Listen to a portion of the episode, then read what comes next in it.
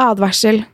Historiene vi forteller i denne podkasten kan være fiktive og avvike fra den opprinnelige historien av dramaturgiske årsaker.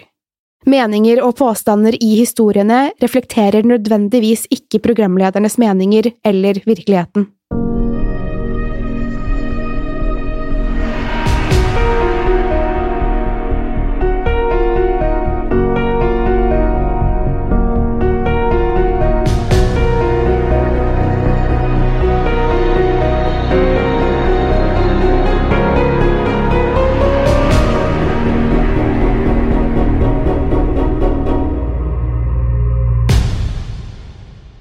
Hei, Pernille. Hallo! Hallo. Er stemmen din blitt litt bedre denne uken? Ja, jeg trodde det var forkjølelse, skjønner du, men så er det visstnok pollen. Det er pollen, ja. Det har vært så mye pollen ute nå. Ekstreme mengder, vil flere hevde. Mm, det, det har jo vært Men det er jo gult overalt nå. Ja, og noe litt grønt, og alt det man egentlig ikke er keen på. Ja, men nå ser jeg ute Ja. det ser ut som det skal bli torden og lyn, og det er mitt favorittvær. Er Det det, det beste været jeg vet. Så. Fordi det er litt creepy? ja. Men eh, jeg, måten jeg merker på, at jeg føler at alle klærne sitter sånn klistra til kroppen. Jeg, jeg er ikke så glad i det, kanskje. Nei, det blir liksom lummert. Jeg blir lummert. Veldig lummert. um, I dag så uh, har jo du kommet med forslaget til hva vi skal fortelle om. Mhm. Og dette her er jo uh, i hvert fall den jeg endte opp med. Veldig skummel. Ja. Veldig skummel Men det er og vel en sann historie også, er det ikke Ja, det? Mm -hmm. Det er sant. Det er om to tvillinger.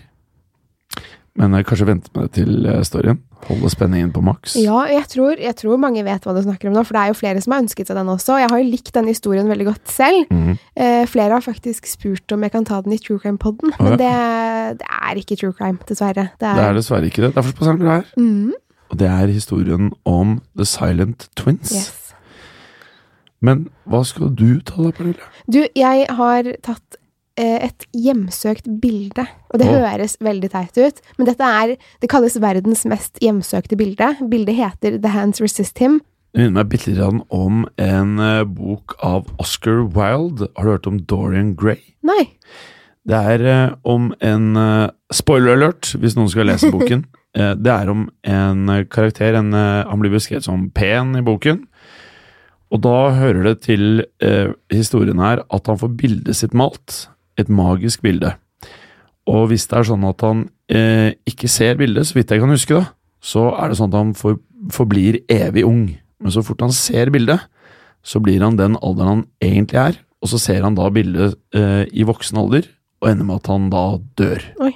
Det var eh, dramatisk. Ja, veldig fin bok. Veldig fin bok. Men Det har, lenge siden jeg har lest den, så det kan være jeg sa noe feil nå, men jeg tror det er noe lignende. den har jeg ikke lest, eller hørt om, men det var jo litt eh, Men det er ikke akkurat den historien jeg skal ta. Nei, nei. Det er om, det, bildet er om to, av to barn, eller en, en liten gutt og en dukke. Mm. Og så er det liksom noe på bildet som beveger seg, og folk føler seg dårlig når de ser på bildet. Så det er det jeg skal ta i dag. Jeg tenker at du bare tar den nå, for nå ble jeg veldig spent her. Ja, ja men da setter jeg i gang.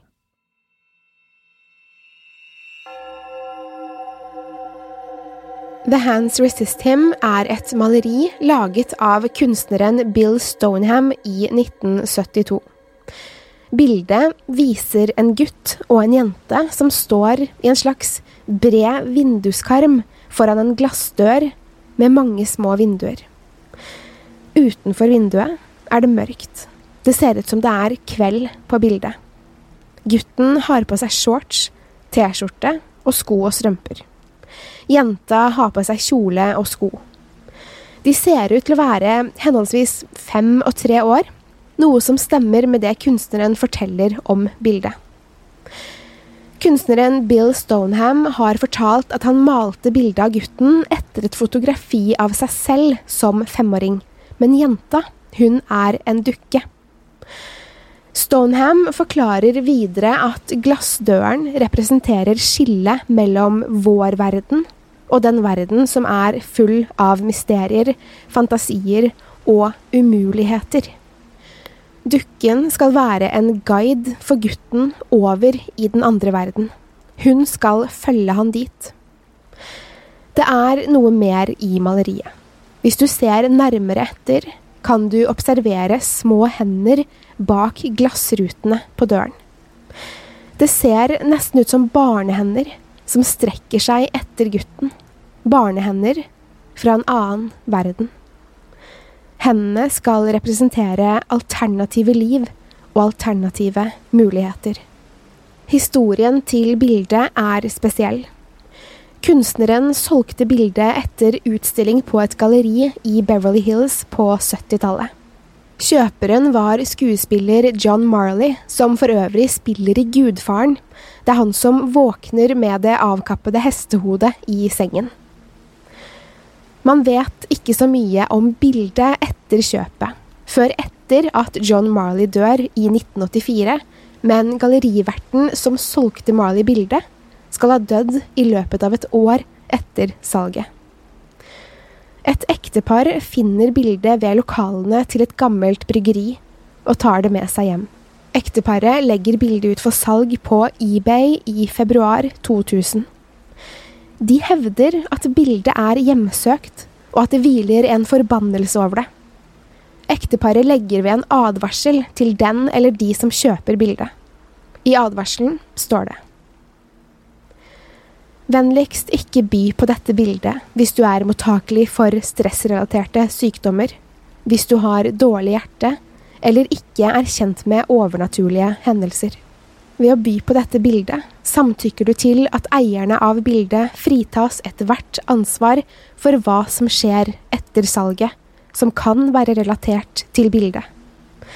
Bildet kan være hjemsøkt eller ha overnaturlige evner som kan påvirke eller forandre livet ditt for alltid.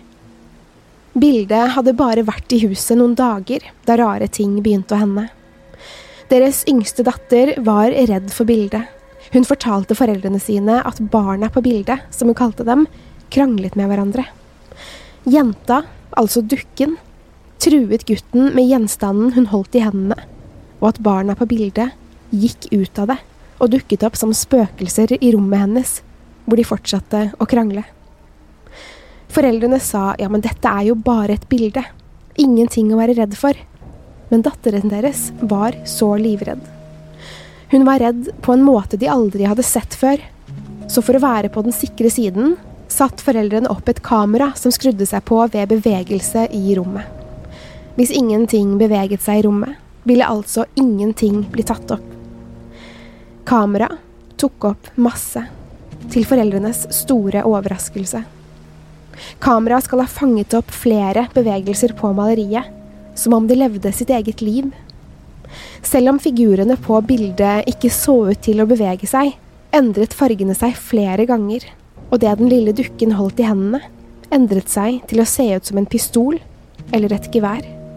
Ikke batteriet hun hadde i hendene originalt. Det kan hende at det jenta eller dukken holder i hendene, endrer fasong i forskjellige lys, men familien insisterer på at det er noe skummelt, noe levende ved bildet som de ikke kan forklare. De ønsker etter hvert å kvitte seg med bildet, men istedenfor å brenne det eller ødelegge det på en annen måte, legger de det, som vi vet, ut til salgs på eBay. Bildet ble lagt ut for 199 dollar, men ble solgt for over 1000 dollar. The Perception Gallery i Grand Rapids, Michigan kjøpte det og tok kontakt med kunstneren Bill Stoneham. Han ble veldig overrasket over å høre at maleriet fra 1972 hadde blitt et internettfenomen, og TV og aviser ble også veldig interessert i fenomenet. Det viste seg at ikke bare galleriverten som solgte bildet til John Marley, men eieren av galleriet hadde også dødd samme år. Folk som ser lenge på bildet, føler seg svimle, kvalme, redde. De får hodepine, voldsomme mareritt og mørke, depressive tanker.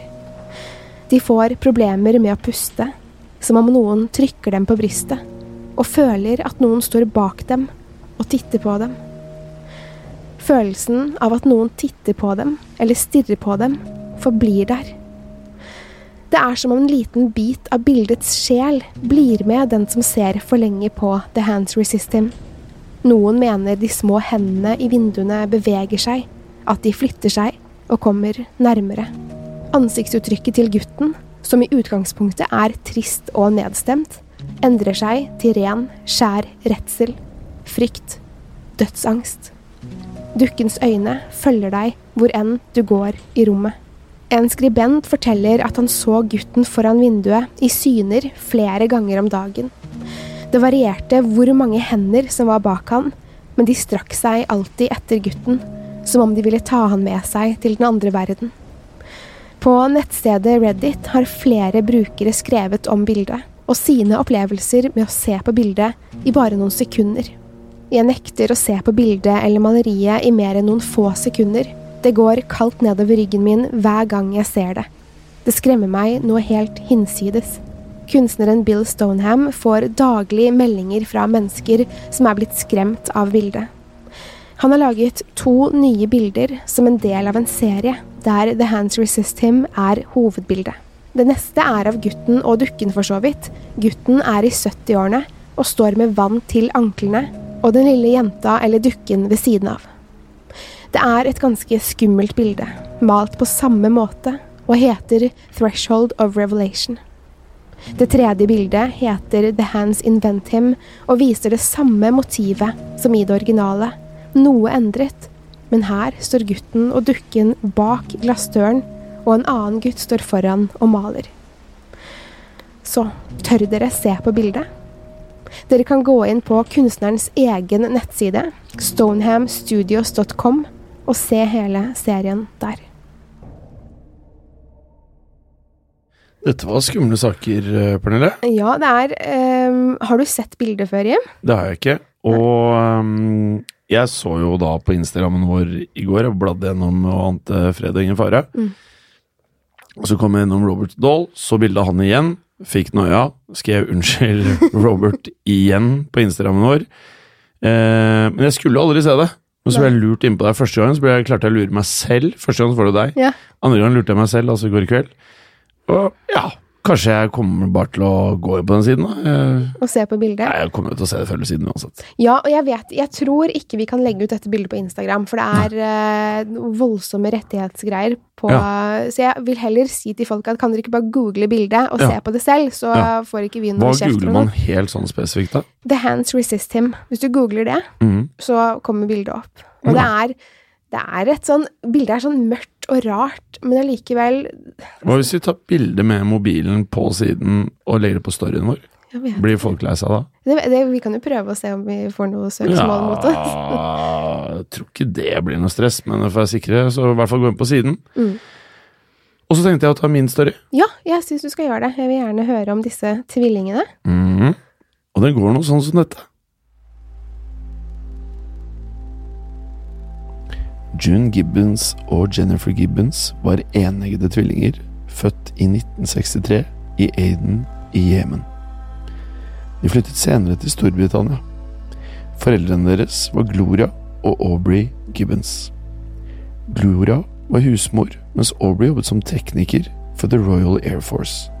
June og Jennifer var oppvokst i Vale og skal ha vært helt uatskillelige.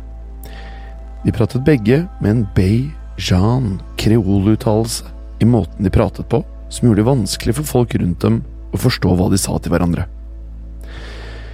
Ettersom det ble oppfattet som annerledes, ble June og Jennifer raskt utstøtt og mobbet på skolen. Så ille skal mobbingen ha vært at lærerne til slutt måtte sende June og Jennifer tidligere fra skolen, rett og slett for å unngå mobbing. Måten de pratet på, ble bare enda mer egenartet i denne perioden. Ettersom de kun pratet med hverandre, så ble det vanskeligere å forstå hva de sa. Måten de pratet på, ble til slutt helt uforståelig for alle andre enn dem selv. Som tvillinger, som eneggede tvillinger, så var de ofte synkroniserte i både handlinger og oppførselen deres. Til slutt ble de beskrevet som at de ekskluderte stort sett alle andre mennesker ifra samtalene deres med kun et lite unntak, som var lillesøsteren deres, Rose. June og Jennifer fortsatte å gå på skolen, selv om de motsatte seg å lese og skrive. I 1974 så skulle en skolesøster vaksinere tvillingene, og la fort merke til at oppførselen deres var annerledes fra de andre barna. Hun anbefalte derfor jentene å gå til psykolog. Kort tid etter så skulle jentene ferdes jevnlig til forskjellige psykologer uten at noen klarte å få June og Jennifer til å prate med noen andre enn dem imellom. De ble så sendt til forskjellige skoler i et forsøk på å gjøre dem begge mer sosiale, men de ble helt tilbaketrukne og totalt innesluttede når de ble separert. En kort periode senere skulle de bli gjenforent i en periode, hvorpå de ble like isolerte som det hadde vært tidligere. De brukte mye tid på soverommene deres, hvor de helt isolert fra omverdenen lekte med dukkene sine. Og her startet de meget fantasifulle tankene og lekene deres. De lagde flere stykker til dukkene som minnet mye om såpeoperastykker. De spilte inn stykkene på tape som en gave til deres søster Rose. Med noen dagbøker de hadde fått til jul, startet søstrene deres karriere som skribenter. De fleste fortellingene de skrev, var krimfortellinger, men også fortellinger om unge kriminelle som ofte hadde merkelig oppførsel. Spesielt én fortelling blir husket. Det var det June som skrev. Hun kalte den The Pepsi Cola Addict, hvor handlingen er om en gutt på videregående. Han skal ha blitt forført av læreren sin, deretter sendt til en anstalt hvor en homoseksuell vokter prøver seg på han. Tvillingene brukte arbeidsledighetstrygden sin på å få novellen publisert, mens deres andre forsøk på å få andre noveller publisert var helt uten suksess. Som tenåringer begynte tvillingene å eksperimentere med dop og alkohol. I 1981 begynte også June og Jennifer å begå en rekke kriminelle handlinger, som vandalisme, tyveri, og så satte de fyr på en rekke gjenstander. Dette ledet til at de slutt ble satt inn på Broadmoor Hospital for mental overvåkning. De ble så dømt til å være der på ubestemt tid, og til slutt skal de ha vært der i over elleve år. June skal senere ha sagt at de ble dømt for deres selektive stumhet. Hun skal ha sagt følgende Ungdomskriminelle får to år i fengsel for lovbrudd. Vi fikk nesten tolv år fordi vi valgte å ikke prate. Vi mistet alt håp der inne. Jeg skrev til og med til dronningen for å spørre om hun kunne slippe oss ut, men vi var fanget. De var begge på høye doser av antipsykotiske medisiner. Noe som gjorde at de ikke fikk konsentrert seg. Jennifer utviklet et syndrom kalt tardiv dyskinesia, som også er en nevrologisk sykdom som leder til at man utfører repetitive bevegelser helt ufrivillig. Så ble medisinene redusert, nok til at de klarte å fortsette med å skrive i dagbøkene deres. De kunne også delta i koret på sykehuset, men skulle senere miste all interesse for kreativ skriving. Fortellingen om de to jentene fikk oppmerksomhet i pressen, og det ble skrevet en bok om dem. Marjorie Wallace kalte boken The Silent Twins. Ifølge Wallace skal jentene ha hatt en avtale om at hvis en av de skulle dø, så måtte den andre begynne å prate og også leve et normalt liv. Mens de var på sykehuset, begynte jentene å prate seg imellom om at kanskje en av dem måtte dø. Etter mye diskusjon ble de enige om at Jennifer måtte ofre livet sitt. I mars 1993 ble tvillingene flyttet til Caswell Clinic, som var langt mer åpent. Ved ankomst skulle det ikke være mulig å vekke Jennifer. Hun ble ført til sykehuset, hvor hun døde kort tid etterpå. Av myokarditt, som er en brå inflammasjon av hjertet. Det var ingen spor av medisiner eller gift i systemet hennes, og hennes død har forblitt et mysterium den dag i dag. På likskuen fortalte June at Jennifer hadde oppført seg merkelig dagen før de ble overført til Caswell Clinic. Hennes røst skal ha vært sløv, og hun skal ha sagt at hun var døende. På vei til Caswell skal hun ha sovet i fanget til June med øynene åpne.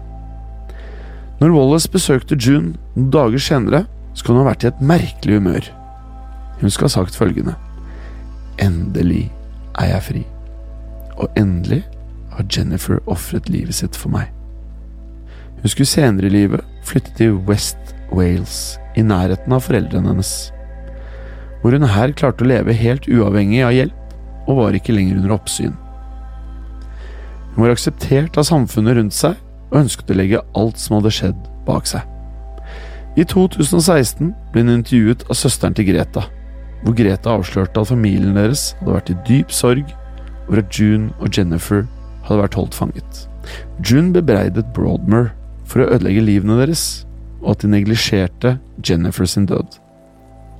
Hun ønsket å saksøke dem, men Aubrey og Gloria nektet henne dette, og sa at de ikke ville bringe Jennifer tilbake. Innfridde dette, Pernille? Ja, altså jeg syns historien er så fascinerende. Og det er Jeg forstår nesten ikke hvordan det er mulig. Hvordan kunne hun dø på den måten? Hva, hva gjorde de? Det kan kanskje ikke du forklare meg, si? Nei, det kan jeg ikke forklare. Hele dødsfallet er jo et stort mysterium. Mm. Um, og nesten litt sånn trist, da. Ja, Samtidig tragisk. så endte det med at de uh, Så lenge de hadde den avtalen, så kunne i hvert fall den ene gå videre med livet sitt til en viss grad. Mm, og prate. Og prate. Litt, i. Det var jo noe som var en del av avtalen, da. Ja. Pernille, vi skal jo eh, Det er greit å si ifra til lytterne. Vi skal på et tidspunkt ta sommerferie. Mm, det er jo sånn at eh, Skrekkpodden blir jo i sesonger, syns vi er smart. Ja. Så, Så- første sesong, den, den avslutter før fellesferien. Ja, den eh, begynner å gå mot slutten, og det er fortsatt mai. Vi skal jo holde på litt i juni også. Ja da. Men så folk er forberedt, så det ikke blir noe, noe ramaskrik sånn på, før sommeren. Nei. Og vi syns jo Vi må jo bare si det hver eneste gang. Det er utrolig hyggelig at folk eh, eh, kommer med forslag til episoder, temaer. Kommer med ros Mhm. og ris. Ja. Eh, mest ros, det er veldig hyggelig. Eh, utover det, så bare keep it up. Send oss forslag til stories. Mm. Begge disse her er vel popular demand stories? ikke? Ja, det har vært veldig mange som har ønsket seg, så der, eh, der hørte vi på lytterne. Ja, Mm. Så det nytter. Det nytter. DM oss på uh, Skrekkpodden på Instagram mm. og skrekkpodden at modernemedia.no på e-post. Yes. Takk for i dag. Takk for i dag. Hva er det vi pleier å si på slutten av hjem? Hold det skummelt. Hold det skummelt.